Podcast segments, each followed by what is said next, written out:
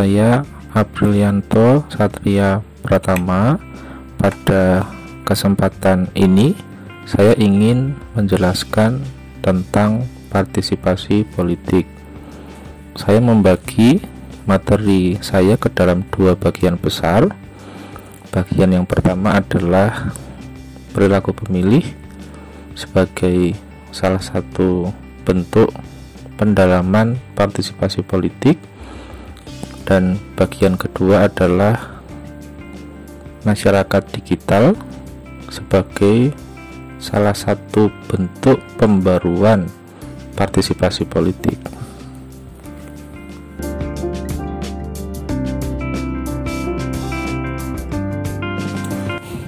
Selanjutnya, kita masuk ke bagian besar yang pertama, yaitu tentang perilaku pemilih saya membagi topik perilaku pemilih ke dalam dua subtopik. Yang pertama adalah definisi perilaku pemilih, yang kedua adalah pendekatan untuk menjelaskan perilaku pemilih. Definisi perilaku pemilih kembali saya bagi menjadi tiga. Yang pertama adalah definisi menurut Ambardi, Liddell, dan Mujani yang mengatakan bahwa perilaku pemilih adalah studi yang menganalisis perilaku para pemilih yang berkisar pada isu mengapa warga ikut serta dalam pemilu atau pilpres dan kegiatan-kegiatan politik lainnya. Seperti kampanye, atau seperti membantu partai atau kandidat. Definisi yang kedua adalah definisi menurut Ramlan Surbakti yang mengatakan bahwa perilaku pemilih adalah aktivitas pemberian suara oleh individu yang berkaitan erat dengan kegiatan decision making untuk memilih atau untuk tidak memilih di dalam suatu pemilu. Yang ketiga adalah definisi menurut Jack J. Plano yang mengatakan bahwa perilaku pemilih adalah studi yang memusatkan diri pada bidang yang menganalisis kebiasaan atau kecenderungan pilihan rakyat dalam pemilu juga menganalisis latar belakang mengapa mereka melakukan itu. Subtopik yang kedua adalah tentang pendekatan. Pendekatan kembali saya bagi menjadi tiga.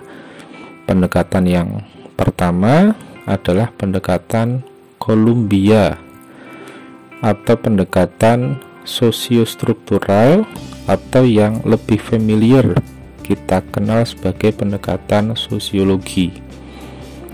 Pada intinya, pendekatan sosiologi menjelaskan karakteristik sosial juga pengelompokan-pengelompokan sosial yang punya pengaruh signifikan dalam menentukan pengaruh memilih seseorang dalam pemilu.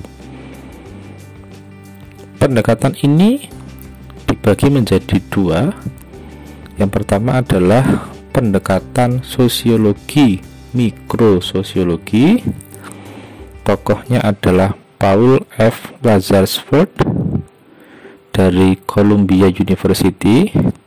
That's why pendekatan ini juga disebut sebagai model pendekatan Columbia yang mengatakan bahwa seorang pemilih itu hidup dalam konteks tertentu seperti status ekonomi, agama, tempat tinggal, pekerjaan, dan semuanya sebagai lingkaran sosial yang otomatis muncul mempengaruhi keputusan.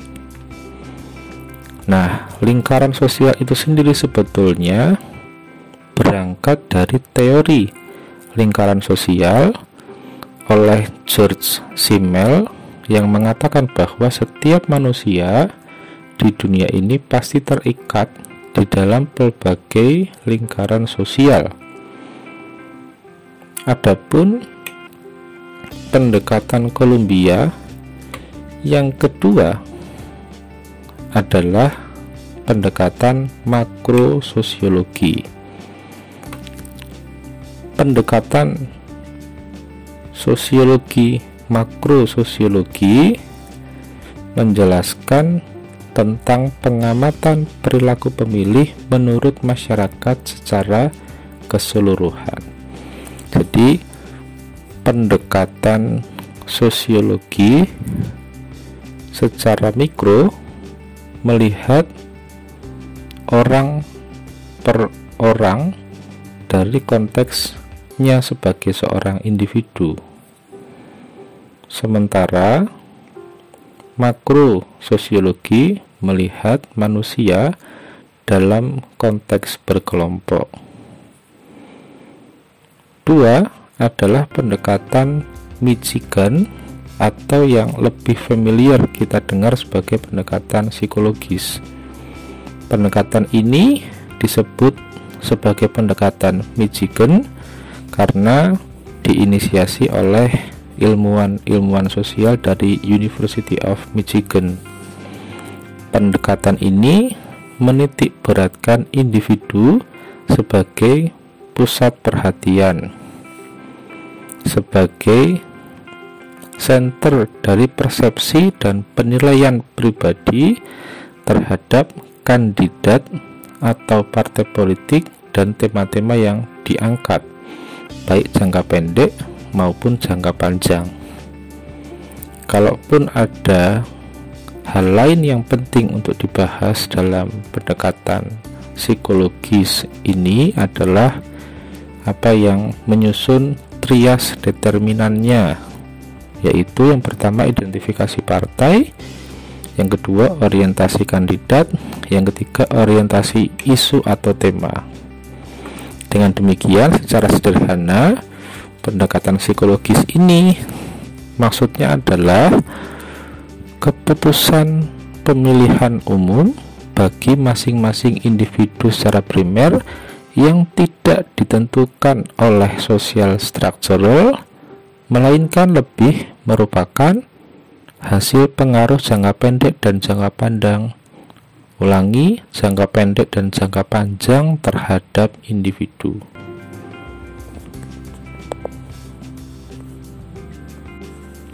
Pendekatan yang ketiga adalah pendekatan pilihan rasional atau rational choice. Pendekatan ini adalah pengembangan dari teori Anthony Downs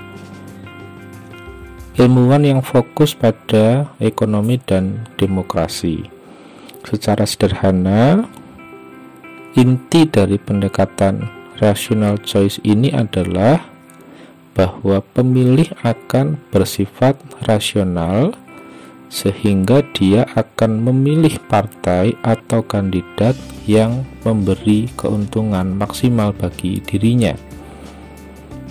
Sehingga, kalaupun ada hal penting lain yang perlu kita angkat untuk menyusun pendekatan ini adalah yang pertama bahwa teori ini banyak disebut berangkat dari predikat manusia sebagai homo economicus yaitu manusia yang selalu ingin mendapatkan manfaat terbaik untuk dirinya secara ekonomis.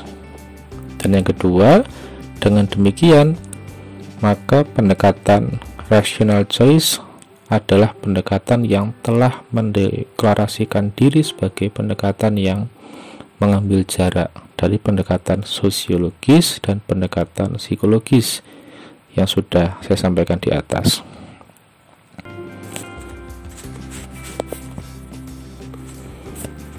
Selanjutnya adalah bagian besar kedua dari presentasi saya yaitu tentang masyarakat digital sebagai manifestasi dari pembaruan partisipasi politik. Dan demikian jelas saya tempatkan masyarakat digital sebagai salah satu produk yang muncul dalam diskusi soal partisipasi politik kontemporer. Namun demikian, sebelum mengaitkannya dengan partisipasi politik, saya mengusulkan agar kita terlebih dulu bicara tentang seluk-beluk politik digital. Untuk bisa menjelaskan ini kepada teman-teman, saya menemukan tulisan Mas Wasis yang membagi pengertian politik digital setidak-tidaknya ke dalam dua pendalaman. Yang pertama, bahwa politik digital bisa dimaknai secara preservatif sebagai demokratik cyberspace.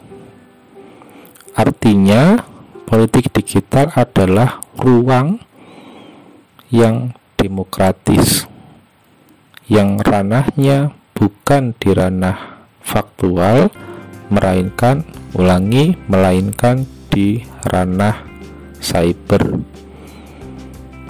yang kedua bahwa politik digital juga bisa didalami sebagai pembentuk atau produsen atau penghasil gerakan politik. Nah, Pendalaman kedua ini banyak disebut sebagai makna aktivisme politik digital. Jadi politik digital menurut tulisan Mas Wasisto ini bisa dimaknai ke dalam dua hal. Yang pertama adalah makna preservasi dan yang kedua adalah makna aktivisme. Namun demikian jika dikaitkan dengan partisipasi politik maka yang lebih relevan digunakan adalah makna aktivisme sebagai produsen gerakan politik yang tadi sudah saya sampaikan. Nah, untuk menindaklanjuti diskusi itu, Mas Wasis telah menyampaikan satu tabel yang menjelaskan secara baik tentang parameter-parameter aktivisme itu. Pada presentasi di PowerPoint, saya juga coba sampaikan itu sehingga secara visual bisa dilihat di sana. Tetapi kalau boleh saya kutip sedikit parameter aktivisme itu kemudian dibagi menjadi lima topik yang pertama adalah apa tema dan isu yang membentuk gerakan itu di ranah online yang kedua apa orientasi gerakan di ranah online? Tiga kebutuhan membentuk gerakannya itu seperti apa? Di ranah online. Yang keempat sifat gerakan online itu seperti apa? Dan yang kelima bagaimana aktivisme online menjelaskan relasinya dengan negara. Sekali lagi saya sampaikan, saya bisa jelaskan secara visual sekaligus deskriptif di PowerPoint.